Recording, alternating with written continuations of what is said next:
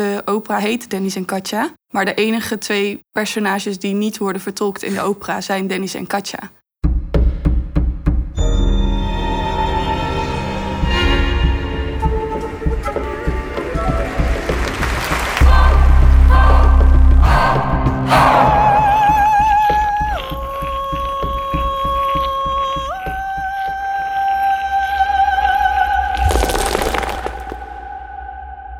Je luistert naar De Ofkast, waarin ik je meeneem in de wereld van opera. Mijn naam is Emma Lesuie, ik ben theatermaker, documentairemaker en schrijver. En ik ga in deze podcastreeks op zoek naar antwoord op de vraag: wat is dat nu eigenlijk, opera? In deze vierde aflevering staat Denise en Katja, een opera gebaseerd op een waargebeurd verhaal over twee Russische tieners die viraal gingen op het internet, centraal. Ik praat erover met dramaturg Jasmijn van Wijnen en bariton Michael Wilmering, die in Nederland de mannelijke rollen in de opera vertolkt. Welkom alle twee. Dankjewel. Hoe gaat het, Michael? Het gaat heel goed. We Ja? zitten midden in de repetities, dus dat is altijd heerlijk dat je een heel duidelijk doel hebt en eh, zo diep in iets kan duiken. Het is vijf uur geweest op de Ja. klok. Dus jij komt net eh, vermoeid aanlopen. Hoe Ja. was dat vandaag? Hoe ging dat? Dat is heel fijn, maar het is ook heel heftig en veel eisend. Want het is gewoon, ja, gewoon een hele veel eisende opera eigenlijk. Dus soms eh, kom- komt eh, nou ja, de irritatie wel naar boven. Ah, daar gaan Maar dat we zo even over ho- horen. maar Jasmijn, kan jij eens vertellen waarom het misschien een heftige opera zou kunnen zijn? Waar gaat het over? Ja, Dennis en Katja is een, eh, een opera, zoals je net eh, ook al vertelde. Dat, die is gebaseerd op een waargebeurd verhaal. En Dennis en Katja zijn dus tieners, of waren tieners. En da- daar komt meteen het heftige aspect van het verhaal ook eh, ter sprake. Uit Rusland, twee 15-jarigen die ehm, verliefd op elkaar waren. Het wordt ook wel een, eh, een moderne Romeo en Julia of een Romeo en Julia op het internet genoemd. Omdat haar ouders het er niet mee eens waren dat zij samen met Dennis was. Dus dat Katja samen met Dennis was. Ehm, dat leverde een hoop conflicten op, wat er uiteindelijk voor zorgde dat zij eh, van huis wegliepen en zich verschelden in een klein huisje ergens in een klein dorp in Rusland. Waar ze ook eh, wapens vonden. En uiteindelijk leidden drie laatste dagen in dat eh, huisje eh, ertoe dat zij eh, zichzelf. Ze, hebben zichzelf gefilmd toen ze daar zaten. Ze hebben hun leven, hun laatste dagen van hun leven gelivestreamd. Want uiteindelijk hebben ze, zijn ze overleden. En het is eigenlijk niet helemaal duidelijk of zij in de confrontatie met de politie, die daar uiteindelijk het huisje omsingelde, of zij naar aanleiding daarvan zijn overleden. Of dat zij vlak voordat de politie het huisje is binnengevallen zelfmoord hebben gepleegd. Dus op dat heftige waargebeurde verhaal is de opera Dennis en Katja gebaseerd. Geregisseerd door Ted Hafman. Geregisseerd door Ted Hafman, gecomponeerd door Philip Venables. Want hij was een van de mensen die dit verhaal zag op het internet. Ja, klopt. Dus waar de opera vooral ook over gaat, is hoe verhalen verteld worden in het dagelijks leven, maar vooral ook online. En die richting eh, zijn, zijn Ted Huffman en Philip Venables eigenlijk al heel snel ingeslagen, omdat het verhaal ook op zo'n typische manier tot Ted Huffman kwam. Dus het, eh, hij heeft ook wel eens verteld dat het verhaal hem vond in plaats van dat hij het verhaal vond, omdat het eh, een artikel met clickbait over Dennis en Katja op zijn Facebook-tijdlijn verscheen. En de clickbait werkte, want hij klikte op het artikel. En zo is hij eh, dit verhaal op het spoor gekomen. Dus eigenlijk dat, dat tragische verhaal van die twee tieners is verworden tot clickbait. En eh, Ted Huffman was bezig met een project over Shakespeare. Zijn algoritme dacht, Shakespeare, past er Romeo wel en bij. Julia. Eh, want dat ko- zo kopte de, de, het artikel, dat was de titel van het artikel, iets met Romeo en Julia. En zo kwam het eh, terecht bij Ted Huffman. Kende jij het verhaal, Michael? Nee. En eh, het is dus ook inderdaad dat je kan terugkijken. Er zijn mogelijkheden om het terug te zien, want het is dus eh, online gegaan. eh, dat is viral. Dus ik zou het kunnen terugkijken, maar ik, ik weet niet of dat. Ik vind het ook wel weer mooi om een eigen fantasie in mijn hoofd te, te maken. En er zijn meerdere mensen die het ook nooit hebben gezien. Oké, dus je hebt bewust gedacht van nee, ik wil dat niet zien. Ik wil mijn eigen Ja, fantasie eraan geven. Ja, en het probleem, of het prachtige eigenlijk, vind ik, uh, van dit stuk... is omdat natuurlijk, het is, als je het nu hoort, dan denk je... Heel heftig. Maar ze maken het veel minder heftig. Door de, dus wat Jasmijn zei, is doordat ze natuurlijk... Uh, het gaat om de verhalen van de mensen eromheen. Dus de, de journalist en, en een vriend en, en de buurvrouw. Dus die zeggen allemaal uh, wat zij denken of wat zij uh, hebben gehoord. Dus dat geeft ook weer afstand. Ja, ja wat daarin een heel belangrijke keuze is uh, die ze hebben gemaakt, is dat de opera heet Dennis en Katja. Maar de enige twee personages die niet worden vertolkt in de opera zijn Dennis en Katja. Um, dus uh, hoewel er een zanger en een zangeres op het podium staan, zou je heel snel verwachten dat die twee dus Dennis en Katja vertolken. Maar ze vertolken met z'n tweeën zes personages, uh, behalve Dennis en Katja zelf. Ja, en jij speelt dus al die mannelijke rollen. Ja. En met wie kan je het meest identificeren? Oh ja. Oh, dat is wel een goede vraag eigenlijk. Daar heb ik helemaal niet over nagedacht. Nee? Maar uh, met wie kan je... Uh, ja, weet je, het is eigenlijk... Mm, misschien de journalist misschien. Want? Weet je wat het is? Uh, je hebt natuurlijk die vriend, die is heel onzeker eigenlijk. Een beetje, die is nog echt heel jong. En je hebt dan een teenager die gewoon echt zo'n straatjongen is. Dus het is eigenlijk allemaal heel verschillend. Maar wat ze eigenlijk, wat dus ook Ted wil, is dat je dus per rol dat niet per se echt ook bent helemaal. Dus een bepaalde techniek. Method acting? Ja. Nee, uh, dat is juist dat is, niet. Dus ja. juist dat is niet. juist niet. Nee. Maar die andere uit Van Brechts tijd of zo had ze dat oh, blijkbaar ook uh, al. Ja. Ja, ja, misschien inderdaad. Dus dat ja, vanuit Brecht dat je afstand. Dus dat je je rol presenteert in Ja. plaats van dat je je rol eigenlijk bent. Dus, uh, dus, dus wa- wat het heel erg is, is een, is een rollenspel. Uh, wat, Ja. wat jullie twee aan het opvoeren zijn uh, op het podium met dat publiek. Dus het gaat heel erg over de verbeelding. En jullie presenteren eigenlijk die, die verschillende rollen.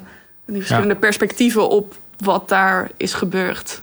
En dat is heel anders dan je gewend bent? Ja, dat maakt het dus, vind ik, heel moeilijk of delicaat. Omdat je natuurlijk, kijk, uh, in de teenager, hij spreekt ook Russisch en hij is echt heel, heel uh, echt zo'n straatjongen. Dus dan kan je niet anders dan je daarin geven eigenlijk. Maar voor de rest, de andere personages, omdat ze heten zeggen, er werd gezegd, bla bla bla, uh, heb je een soort van. af, moet je, heet het, of wil hij heel graag dat je een afstand houdt, dat je niet zegt, oh, dit, of uh, dat je voelt wat je hart voelt en dat probeert uh, te uiten. Maar dat is dus juist wat je in opera vaak ja, doet. Ja, daarom. Dus het is echt een hele nieuwe les. Omdat je dat gewend bent, dat je in en dat en dan is het snel al te veel. Dus dat is wel, uh, dat, tenminste, dat vind ik het moeilijke eraan. Ja, en waar kwamen dan vandaag die irritaties vandaan? Nou, het is natuurlijk, uh, het is heel ingewikkeld. Sowieso, je hebt natuurlijk een in-ear. Die geeft jou de, de, de maat aan. Dus die piept de hele tijd. Tik, tik, tik. Geeft je de toon aan. Die hoor je dus. Want we hebben geen, uh, geen dirigent. Dus, uh, dus je hoort heel veel via je oor. En daarnaast moet je natuurlijk ook vanuit, dan, vanuit je instinct ben je soms gewend om dan te denken. Als de zin is bijvoorbeeld: uh, ik verlies haar. Dan zeg ik: Oh, ik verlies haar. Maar dat mag dan natuurlijk ook niet. Je moet het wel een beetje met afstand. Er zijn 80.000 dingen waar je aan moet denken. En omdat het natuurlijk niet per, per se acte 1, acte 2... het gaat gewoon door en door en door en door en door. En we hebben die stoelen die er zijn, uh, 34 of zo, 35 stoelen. Uh, dat is eigenlijk alle props die we hebben. En die gebruiken we de hele tijd. En alle stoelen lijken, zijn natuurlijk totaal hetzelfde... maar je moet precies weten welke stoel je moet pakken op welk moment. Dat er dus ook nog. En dan ben je... Ik word dan gewoon kwaad op mezelf... Uh, omdat je het dan weer fout doet. Dus dan soms... Maar je zei dat je je meest identificeerde dan waarschijnlijk met de uh, journalist. En nou, waarom was die, dat? Het is niet dat per se dat ik me met één beter kan uh, identificeren, maar die is meer. Um, die hoort natuurlijk meer het verhaal aan en, en zegt dat meer. Dus dat, daar, dat is zonder. Um, die stelt vragen over ja, wat er is gebeurd. Of? Ja, zo meer. Dus dat als ik dan iets zou moeten zoeken wat dicht, dichtst bij mij staat. Ja, want welke vragen stelde jij naar aanleiding van dit verhaal? Ja, maar god. Uh... Wat dacht je toen je dit verhaal las of Ja, het grappige was, ik ben dus ook last minute eh, ingevlogen hiervoor. Dus eh, het was al helemaal, oké, wil je dat doen? Ja, wil ik doen. En toen vertelde het haal, toen dacht ik, "Uh, uh, uh, huh?" en het werd steeds erger en nog erger. Toen dacht ik, oké. dat maakt het juist heel mooi, omdat het, eh, je hebt dat, dat, dat verhaal, maar het is heel eh, actief natuurlijk. Want je moet zoveel verschillende dingen doen. Dus je moet de hele tijd erbij zijn en dat maakt het geweldig. Dan wil je gewoon steeds meer eigenlijk. Het is documentair theater. Komt dat veel voor? Het is een do- op een ge- Ja. eh, gebaseerd op een documentair verhaal. Ja, dus het is, het is gebaseerd op een waar gebeurd verhaal. In die zin dat het dus, dus met documentair. Vaker is er in documentaire ook wel zijn delen gefictionaliseerd, maar in dit geval ook. eh, maar het materiaal wat is gebruikt is eh, documentaire in de zin van eh, dat, ze, dat, dat Ted Huffman en Philip Venables en de, Xenia Ravina, de dramaturg en ja, co-creator eigenlijk, waarmee ze deze opera hebben gemaakt. Zij hebben het tekstmateriaal is verzameld vanuit ehm, eh, televisieshows. Ehm, dus ze hebben de journalist hebben ze geïnterviewd. Zijn ze voor naar Rusland gegaan. En ook de jeugd, dus de vriend eh, van, van Dennis. Dus dat is materiaal wat ze echt, eh, gespreksmateriaal wat ze hebben ja, opgehaald bij hun. En de rest is enigszins gefictionaliseerd, maar gebaseerd op teksten die in televisieshows zijn gezegd of in, eh, in de media over, over deze gebeurtenissen. Dus het, is, het, het materiaal is ook echt van de mensen die om die gebeurtenissen heen stonden en daar iets eh, over vertelden. Ja, en het is al in première gegaan Ja. in verschillende landen. Ehm, want in elk land wordt ook in eigen taal gezongen. Ja, dus in principe wel. Dat staat in de, in de partituur eh, voorgeschreven eigenlijk. Ehm, dus in eh, Hannover wordt het op dit moment, of gaat het binnenkort in première, dan is er dus echt een Duitse, Duits libretto gemaakt, of is het libretto naar het Duits vertaald. En in Frankrijk eh, hetzelfde, Montpellier. En wij doen dan de Engelse, dus de oorspronkelijke tekst van Opera Philadelphia. Met boventiteling, met Nederlandse boventiteling wel. Ja, maar Michael, jij moet ook in het Russisch zingen. Ja, dat klopt dus, ja. Hoe is dat? Ja, dat, was, eh, dat is natuurlijk een hele challenge, wel een hele leuke. Maar ehm, daar heb ik dus ook een coach voor, die is er, die je dat dan echt leert. En je denkt eerst van, oh ja, of nee, denk niet, oh ja, maar ik bedoel, eh, je bent gewend, dat is natuurlijk Europese talen, dan kan je altijd wel een beetje relateren daar en daar. Maar met dit, het enige wat, wat hetzelfde eh, is, is camera. Verder kan je het bijna niet. eh, Dus dat heb je er ook nog bij. Heb je al die stoelen en ook nog de Russische taal? ja, en het grappige ook, stoel, dus het een, eh, een van de enige woorden, is dus in het Russisch ook stoel. Dus dat scheelt dan weer. Dat hebben we dan, hebben we, dat weten we dan weer. Dat meevallen. Maar voor de rest niks. maar het leuke is, kijk, ik moet, moet dus heel erg best, mijn best doen om dat Russisch zo goed te krijgen. Maar het, mijn tegenspeelster, zij is Russisch. En zij moet dan weer heel erg de best doen met het Engels. eh, dus het geeft ook wel een bepaalde soort focus eigenlijk. Een mooie, hele mooie focus. Ja. Waarom is deze opera vernieuwend? Nou, ik denk alleen al door, door de, de vorm. Dus de manier waarop het een verhaal vertelt. Eh, en dat is ook wel iets wat eh, toen ik met, met Philip Venables, componist, sprak, wa- wat hij vertelde dat hij samen met Tef- Ted Huffman heel graag wil onderzoeken. Dus nieuwe manieren van verhalen vertellen. Dus niet alleen maar nieuwe verhalen, want het verhaal is natuurlijk ook nog niet eerder in de opera verteld.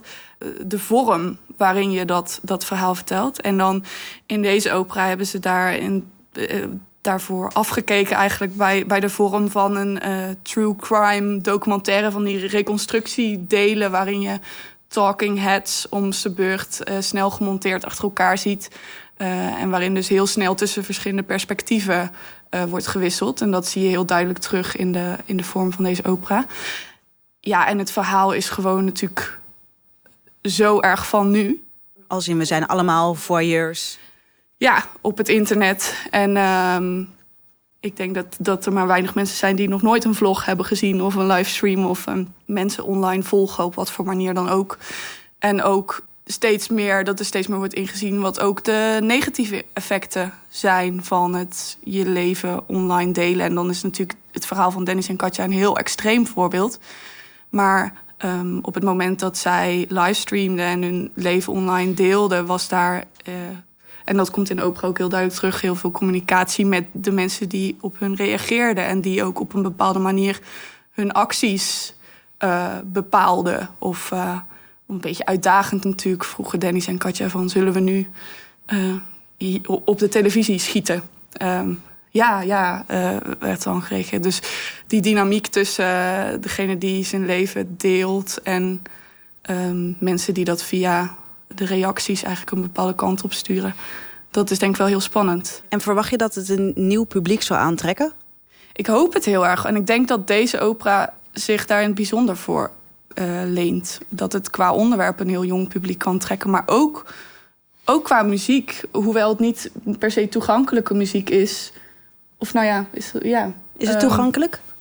Uh, nou, aan het begin is het uh, ik zou niet zeggen dat het per se toegankelijk is, maar je luistert er heel makkelijk wel naar, dat wel. Maar het is wel modern aan het begin. Dus je hebt het begin, hele stuk, tot het hele verhaal. En dan uiteindelijk komt het daar los van. Dan kom je in een ander soort dimensie eigenlijk.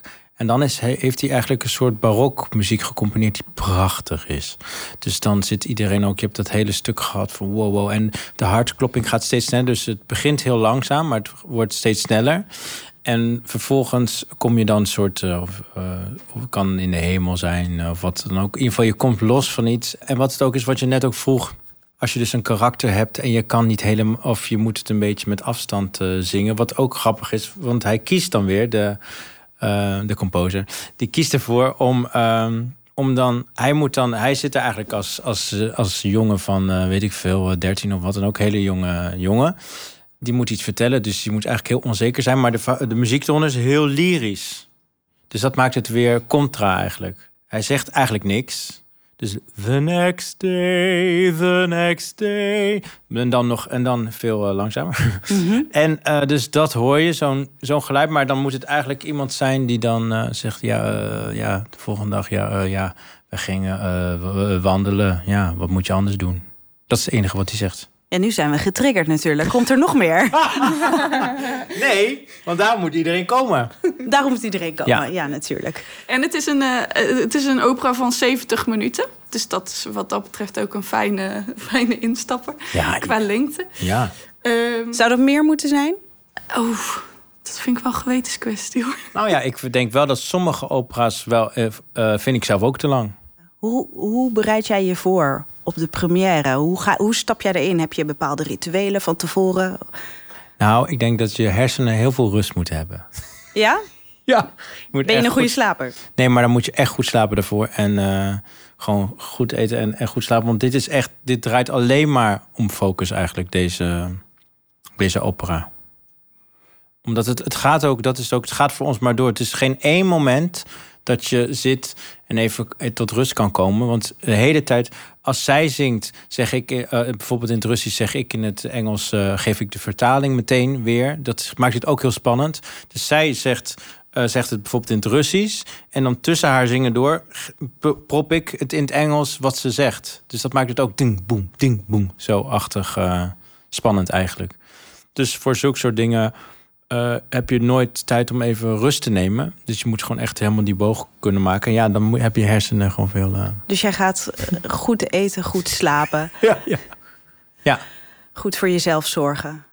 Um, ja, er is een fragmentje wat we, waar we even naar kunnen luisteren. The special forces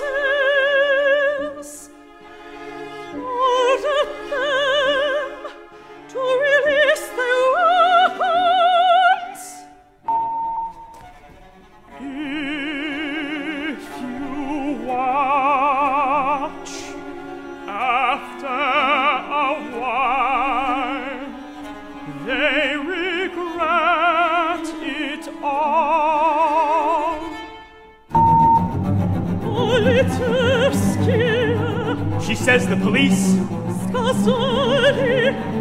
said to them,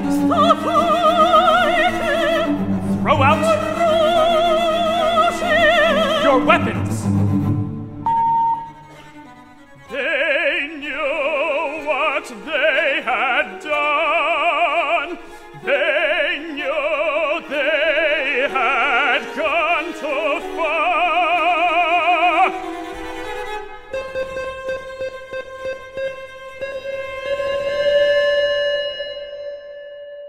Dit was de trailer die we net hoorden, maar we hoorden niet jouw stem. Nee.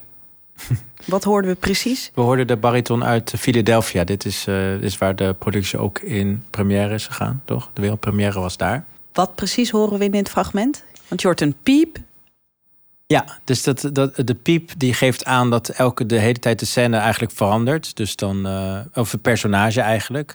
En soms is het een piep, duurt, heb je piep en dan heb je een lang stuk. Maar soms is het ook heel kort. Dus piep, da piep. Dus het is, dat maakt het heel spannend.